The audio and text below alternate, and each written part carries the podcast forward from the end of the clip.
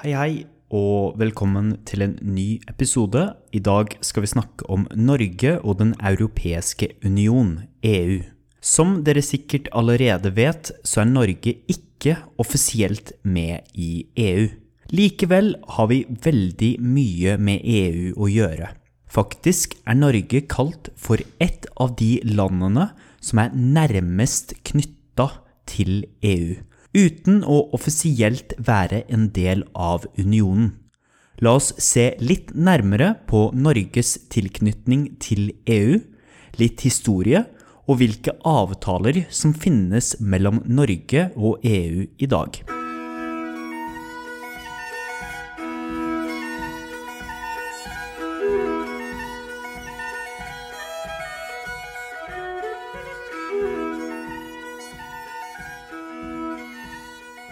Norge samarbeider tett med EU, men vi er ikke en del av unionen.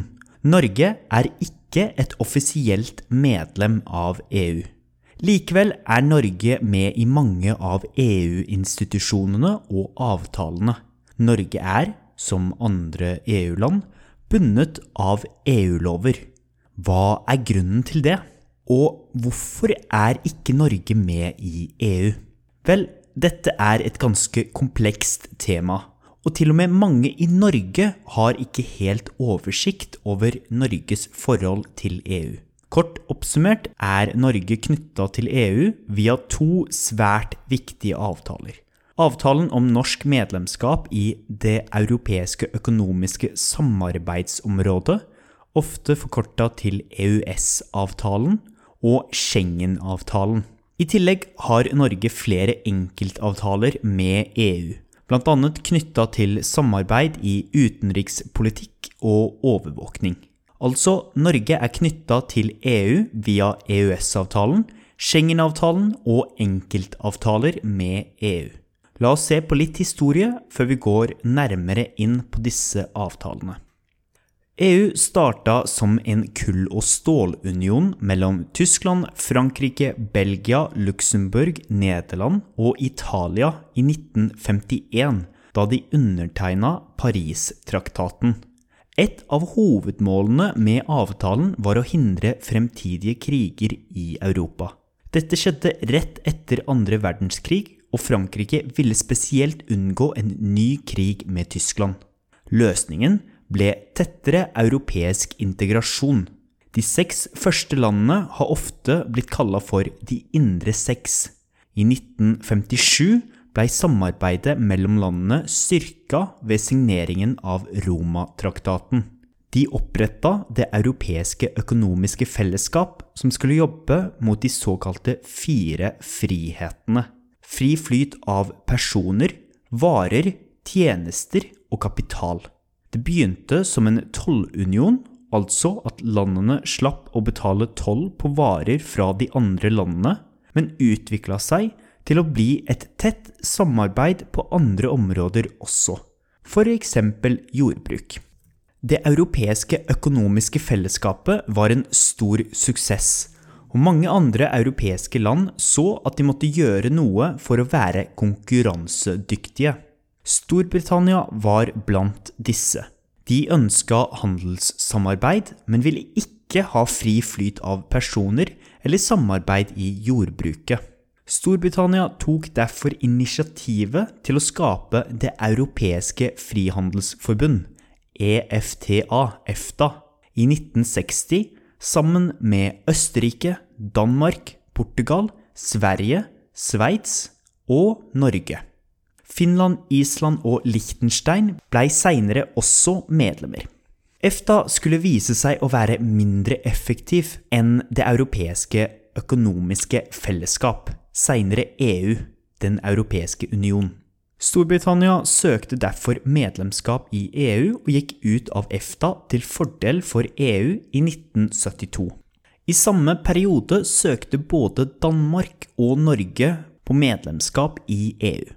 Norge hadde en folkeavstemning i 1972 om landet skulle bli en del av EU eller ikke. 53,5% i Norge stemte imot norsk EU-medlemskap. Flertallet ønsket altså ikke at Norge skulle være en del av EU. Dette skjedde til tross for at flertallet av norske politikere og de største norske partiene ønska norsk medlemskap i EU. Og statsministeren Trygve Bratteli fra Arbeiderpartiet gikk av pga. resultatet.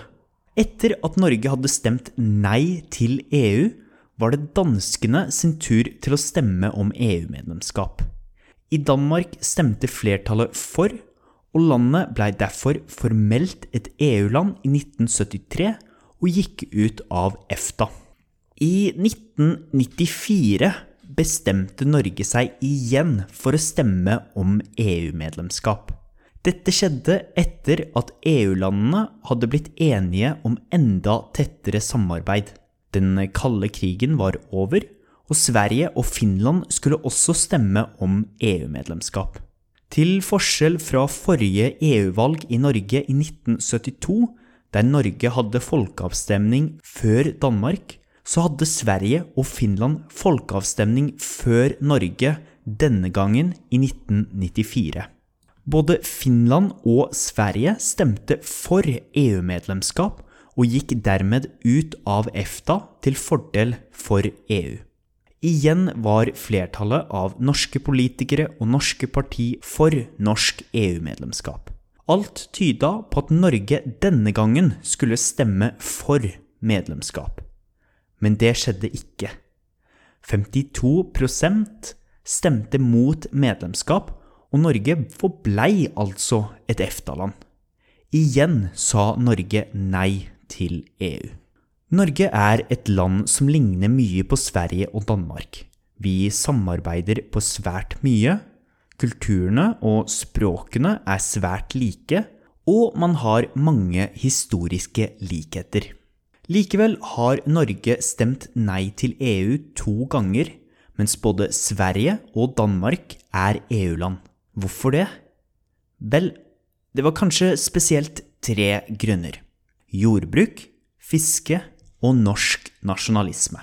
La oss begynne med jordbruk. Jordbruk er en økonomisk ganske uviktig sektor i Norge, men politisk og strategisk svært sentral.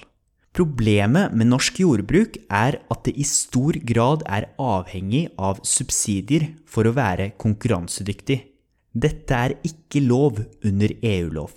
Norsk jordbruk hadde derfor sannsynligvis blitt svekka og endra av norsk EU-medlemskap. Den andre faktoren for at Norge sa nei, var en sterk fiskesektor. EU blir styrt av en felles fiskepolitikk.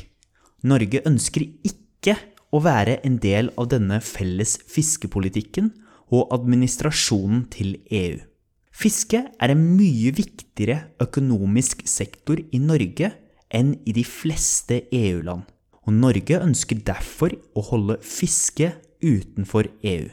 Den tredje og den viktigste faktoren for at nordmenn stemte nei til EU, var norsk nasjonalisme og redselen for tap av norsk selvstyre, altså autonomi. Norge er et land som ligger helt i utkanten av Europa. Det er det nordligste landet i Europa. Vi grenser særlig til Sverige og Finland, med ei lita grense mot Russland. Historisk, kulturelt og geografisk er det ingen tvil om at Norge er et europeisk land. Men det er heller ingen tvil om at det lenge også har ligget litt for seg selv.